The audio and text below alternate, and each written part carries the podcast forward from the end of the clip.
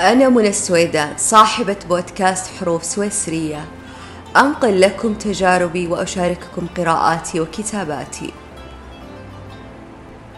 عندما قررت كتابة الحلقة وتكون خاصة في اليوم الوطني السعودي امتلكتني مشاعر الحيرة والدهشة فلم أجد العبارات المناسبة التي أستطيع أن أصف بها ماذا يعني حب الوطن والانتماء له.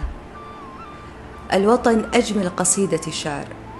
هو السند لمن لا ظهر له وهو البطن الثاني الذي يحملنا بعد بطون أمهاتنا. هو ذكرياتنا على جدار من الزمن الذي كنا نخربش عليه بعبارات بريئة. حب الوطن فطرة في داخل كل إنسان ولو كان الوطن كثبان رمل بصحراء. حب ينشأ منذ الطفولة شعور لا يمكن مقاومته بحب الأرض. التي نشأنا عليها وشهدت كل نفس لنا. عبر النبي محمد عليه الصلاة والسلام للوطن ما أطيبك من بلد وما أحبك إلي ولولا أن قومي أخرجوني منك ما سكنت غيرك.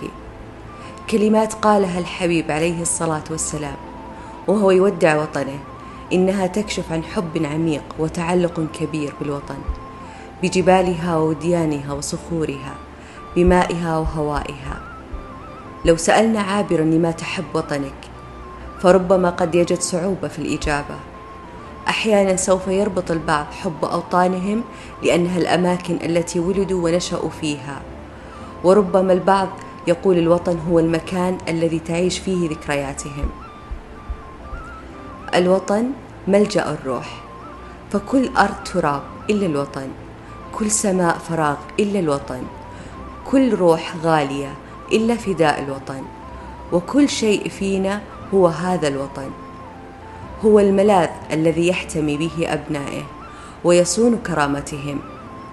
واجب على كل أب وأم إنشاء جيل يحب الوطن وينتمي إليه لنعلمهم إن الوطن مصدر فخر واعتزاز.